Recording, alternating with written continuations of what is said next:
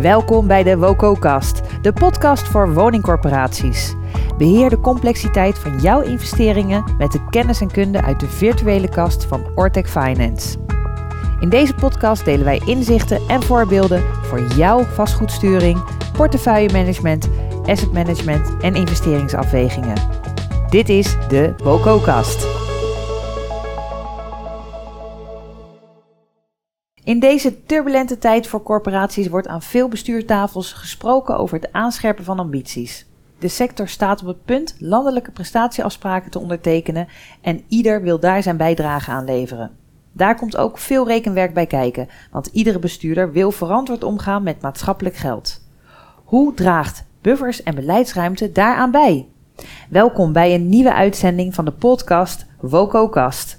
Ik ben Suzanne Vink, gespreksleider. En bij mij aan tafel heb ik Alice Jansen, risk manager en consultant bij Accentadvies en commissaris bij twee woningbouwcorporaties.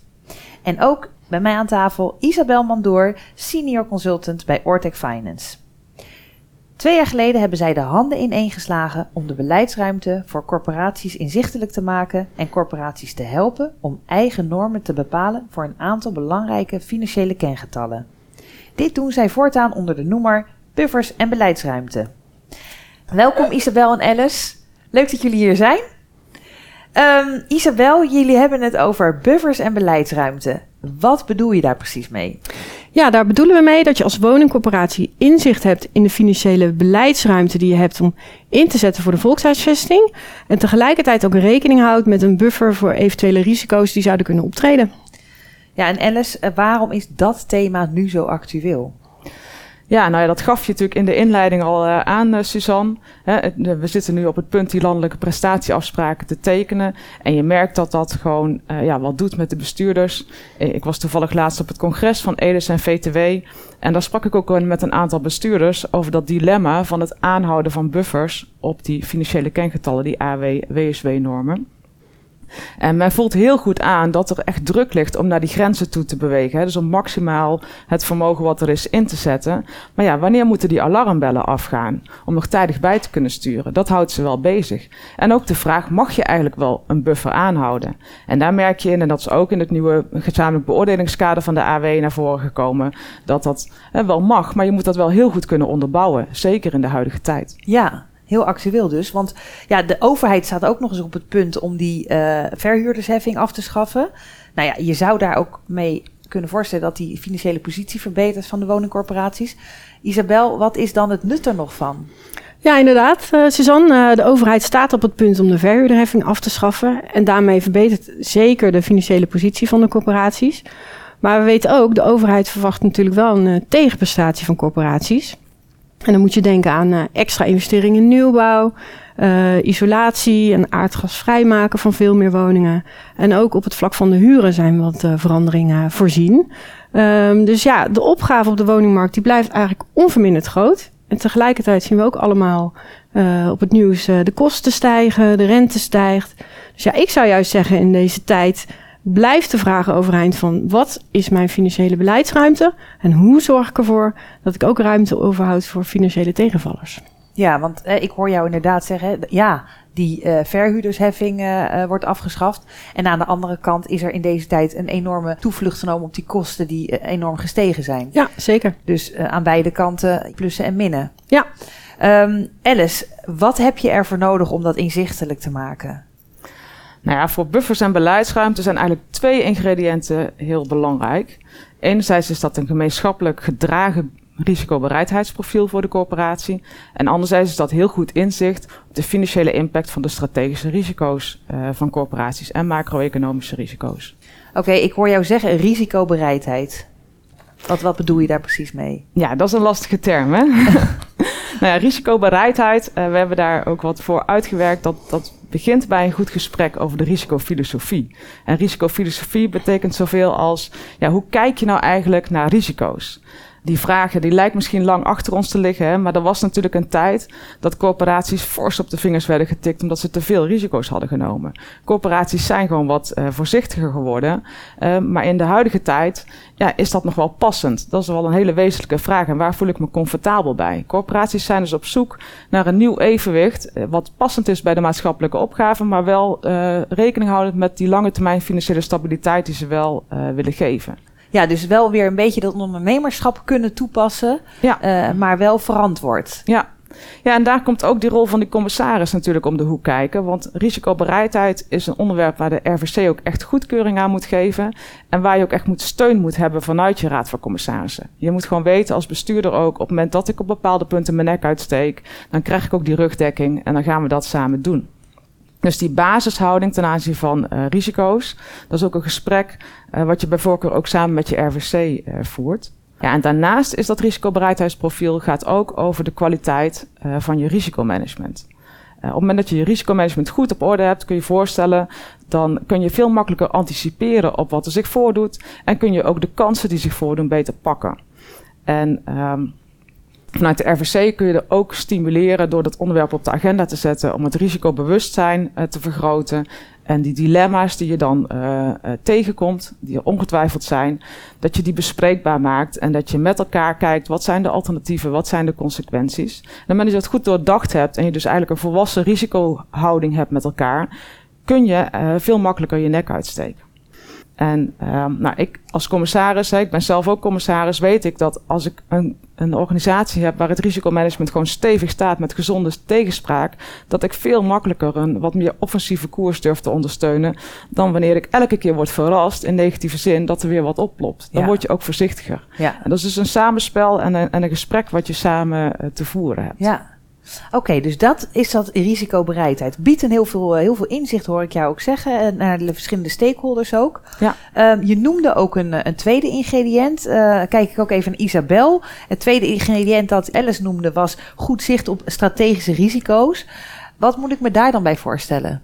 Ja, nou op zich is dat iets wat corporaties sowieso al wel regelmatig doen. Hè? In, in beeld brengen van uh, strategische risico's die ze zien in hun uh, omgeving. En ze voeren uh, met elkaar dan ook het gesprek erover van, nou ja, wat is de impact op onze organisatie? Wat zijn beheersmaatregelen die we kunnen nemen? En nou ja, op het moment dat je een gemeenschappelijk gedragen beeld hebt van de risico's, dan kun je die ook financieel doorrekenen op de meerjarenbegroting.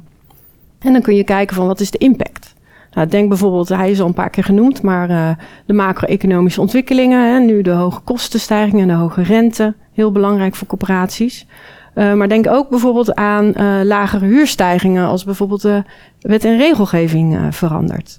Door die risico's door te rekenen, krijg je heel goed zicht op wat heeft nou meer financiële impact, wat heeft minder financiële impact en waar ben je als corporatie dus het meest gevoelig voor. Nou, door die informatie te gebruiken kun je dus zeggen van, nou, ik neem een deel van die risico's, uh, die neem ik mee in een buffer. En ik zeg heel bewust deels, want Alice ja. stipt het ook al een beetje aan. Corporaties zijn toch op zoek naar het evenwicht tussen financiële zekerheid en stabiliteit. En aan de andere kant uh, toch de ruimte om maximaal te investeren, want ja, de opgave is groot. Nou ja, waar dat evenwicht dan exact komt te liggen, dat hangt natuurlijk af van, uh, van de risicobereidheid. Ja, dus dat is die koppeling daarin, heel duidelijk. Zeker, daar, zit, daar zit zeker de koppeling. Ja, en dat is ook uh, ja, de, de, kracht van de combinatie, zal ik maar zeggen. Ja. Um, nou ja, en wij merken dat corporaties op zich best wel gewend zijn om in de praktijk dus risico's in beeld te brengen, ook om scenario's, analyses uit te voeren. Uh, maar dat ze nog niet altijd ja, de rust en uh, de tijd nemen om dit heel goed met elkaar te doorgronden. En dan dus ook niet om bijvoorbeeld heel bewust samen voor een buffer te kiezen en deze ook heel goed te onderbouwen. En met name daar zit nog wel wat winst te behalen. Oké. Als corporaties hiermee aan de slag gaan met buffers en beleidsruimte, uh, wat levert het dan uiteindelijk op aan inzichten? Um, ja, nou dat, uh, dat hangt heel erg af van de situatie. is best wel verschillend ook. Hangt heel erg af ook van de uitgangssituatie van de corporatie bijvoorbeeld. Uh, de thema's die daar spelen. Uh, om een voorbeeld te noemen, corporaties die heel krap bij kas zitten. Hè, dat wil zeggen dat hun meerjarenbegroting bijvoorbeeld al heel dicht op de financiële grenzen komt. Die gaan vaak veel nadrukkelijker stilstaan bij de risico's. Hoe zitten die precies in elkaar? Wat willen we nou echt meenemen in, in de buffer? Wat is ook het moment waarop we zouden moeten gaan bijsturen? Want ja, bijsturen ja. betekent wel dat je je ambities naar beneden moet bijstellen. En ja, dat doe Ja. je natuurlijk ook niet graag. Ehm, en ook het gesprek hebben bijvoorbeeld over welke bijstuurmogelijkheden hebben we tot onze beschikking. Dus dat is een beetje het beeld bij de corporaties die krap bij kas Ja. zitten. Maar als je bijvoorbeeld, hè, ik hoor zeggen dat bijsturen, dat is natuurlijk een gevoelig moment. Ja. En als je dus eh, die, dat inzicht hebt, dan kan je het ook, zeg maar, gewoon verklaren dat je dat moment pakt. Zeker, het, het geeft ook wel eh, ja, zekerheid eh, van dat je het ook goed kunt uitleggen eh, waarom je hiervoor hebt gekozen, tot hoe ver je kunt gaan en ja, tot hoe ver je dus Ja. niet kunt gaan. Ja. Levert het nog meer inzichten op, Alice? Nou, zeker, want natuurlijk niet alle corporaties zitten krap bij kas. We hebben ook regelmatig corporaties die juist heel ruim in hun financiële middelen zitten. En ook voor hen eh, levert dat gesprek heel veel op. Eh, het gesprek heeft dan wel een ander karakter, want het begint Ja. wel... eh, er is allereerst geruststelling dat die financiële uitgangspositie robuust is. Want zelfs corporaties die financieel ruim in de middelen zitten... hebben niet altijd dat vertrouwen dat het ook echt robuust is. Maar heel snel daarna volgt die vraag van ja, is er dan eh, bestuurlijk voldoende lef om te versnellen? En wat vraagt dat van de organisatie? Want ook dat kan je tegenhouden. Op het moment dat een organisatie qua realisatiecapaciteit of volwassenheid eigenlijk niet in staat is om meer te doen, kan dat ook iets zijn wat, wat, je, wat voorzichtigheid met zich meebrengt. En eh, ook de vraag voor wat soort projecten durven bestuur en RVC hun nek dan uit te steken. Dus, eh, dus dan komt die risicobereidheidsvraag heel nadrukkelijk aan de orde. En eh, ja, ook voor dat soort corporaties geldt dat de beleidsruimte natuurlijk niet oneindig is. Dus ook zij willen de keuze heel gericht maken van waar gaan we hem aan besteden? Eh, waar is er het meest profijt van dat maatschappelijk geld wat we, wat we kunnen Ja. uitgeven? Ja, dus ik hoor jou ook zeggen, ook al zit je eh, ruim, hè, ruim bij kas, dan nog kan je bijvoorbeeld een heel eh, eh, risicobereidheidsprofiel hebben, wat, nou, wat een beetje defensief risicobereidheidsprofiel. Dat is dus heel goed mogelijk. Dat is zeker mogelijk, ja. En dat kan ook heel gezond zijn. Ik zeg ook altijd bij een risicobereidheidsprofiel is er geen goed en geen fout. Het is natuurlijk wel zo in de regel, geen risico nemen is ook een risico. Eh, maar te veel risico nemen is ook niet goed. Maar het moet passen bij de organisatie. Eh, want op het moment dat je een heel offensief profiel kiest, maar je organisatie is totaal niet in staat om daarmee om te gaan, ja, dan weet je één ding zeker: eh, er gaan een aantal problemen optreden, een aantal, een aantal fiasco's komen er ontstaan en er misschien ja, wel. het voorkomt En dat het, en het dan, reputatierisico wat daarmee samenhangt, is ook iets wat je niet wil. En Ja. dat kun je niet in die financiële scenario's vangen. Maar daar heb je wel rekening mee te houden. En daarom is die risicovolwassenheid ook zeker onderdeel van die Dan hebben jullie die inzichten zowel voor de eh, corporaties die wat krapper bij kas zitten en die ruimer bij kas zitten. Dan heb je die inzichten. Wat kun je daar dan weer mee, eh, Isabel, als, als corporatie? Nou ja, eh, hè, als je dit, dit allemaal doorloopt, hè, dan heb je inderdaad zicht op je risicobereidheid. Je hebt zicht op je strategische risico's. Aan het eind van de rit heb je dus ook zicht op de buffer die je wil, die je wil aanhouden. En tegelijkertijd de beleidsruimte die je tot je beschikking hebt om eh, bij te dragen aan alle doelstellingen. Maar wat wij eh, in de praktijk merken, of ja, wat ook heel vaak wat wij terug horen van, eh, van onze klanten, is dat het gesprek daarover hebben met elkaar, dat dat leidt tot veel meer bewustzijn, wederzijds begrip en uiteindelijk dus ook draagvlak. En dat dus het, eigenlijk het samen doorlopen van dit proces eigenlijk minstens zo belangrijk is als de uiteindelijke conclusie. Ja, dus, dus juist ook, dus niet eens het resultaat, maar het proces er naartoe. In die sessies dat jullie daarmee bezig zijn, dat levert al heel veel op voor de organisatie. Zeker, om, om, om, om met elkaar te snappen wat de situatie is en de keuzes die je maakt en waarom je ze maakt en de, ja, hoe ver je kan gaan en hoe ver je ook niet wil gaan. Als je daar met z'n allen achter staat, dat eh, heeft gewoon Ja. heel veel toegevoegde waarde. Ja, ik wil daar nog één ding op aanvullen, want het gaat ook om, eh, op het moment dat je dat echt met elkaar eh, doorlopen hebt en doorleefd hebt, kun je dat ook uitleggen aan stakeholders. En als het gaat om eh, de beleidsruimte en het benutten van beleidsruimte, heb je als corporatie met ontzettend veel stakeholders te maken. De verwachtingen van buitenaf zijn groot. Ja, En je moet gewoon kunnen verantwoorden naar iedere stakeholder wat je doet en waarom. Je Ja. moet naar de huurder kunnen verantwoorden dat je die euro's goed besteedt. Maar je moet ook naar de, naar de politiek, de gemeente, de provincie. Overal moet je je verantwoording kunnen afleggen. En dat helpt, daar helpt zo'n proces echt bij. ja, ja, zeker die stakeholders daar heel belangrijk in. Ja, tot slot nog van jullie beiden. Wat adviseer je nou corporaties? Alice. Ja, als ik dat kort samen zou vatten, eh Suzanne, dan zou ik zeggen: zorg dat je weet wat je kunt en waar je grenzen liggen. Maar realiseer je ook dat er vaak meer financiële ruimte is dan gedacht. En in de volle bewustzijn dat het gaat om maatschappelijk geld, wat je verantwoord wil besteden, is er echt meer mogelijk dan wat we de afgelopen jaren met elkaar hebben laten zien.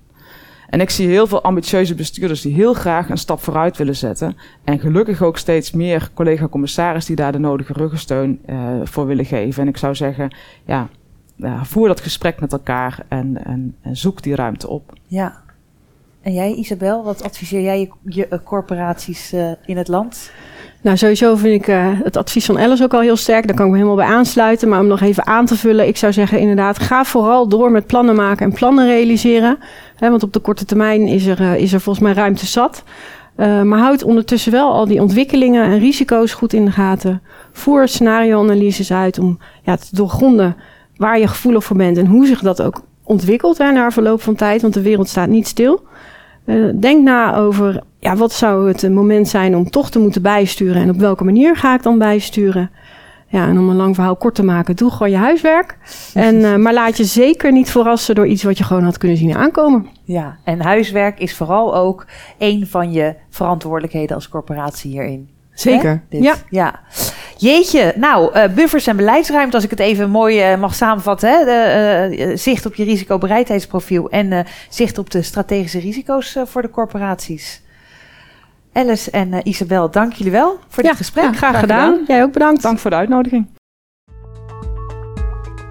Dit was de WOCO-kast, de podcast van Ortec Finance met praktische inzichten en voorbeelden om de complexiteit van jouw investeringsbeslissingen te beheren. Wil je reageren op deze podcast? Heb je er een vraag over? Of heb je een suggestie voor een podcastonderwerp? Laat het ons weten via Dankjewel voor het luisteren en tot de volgende keer.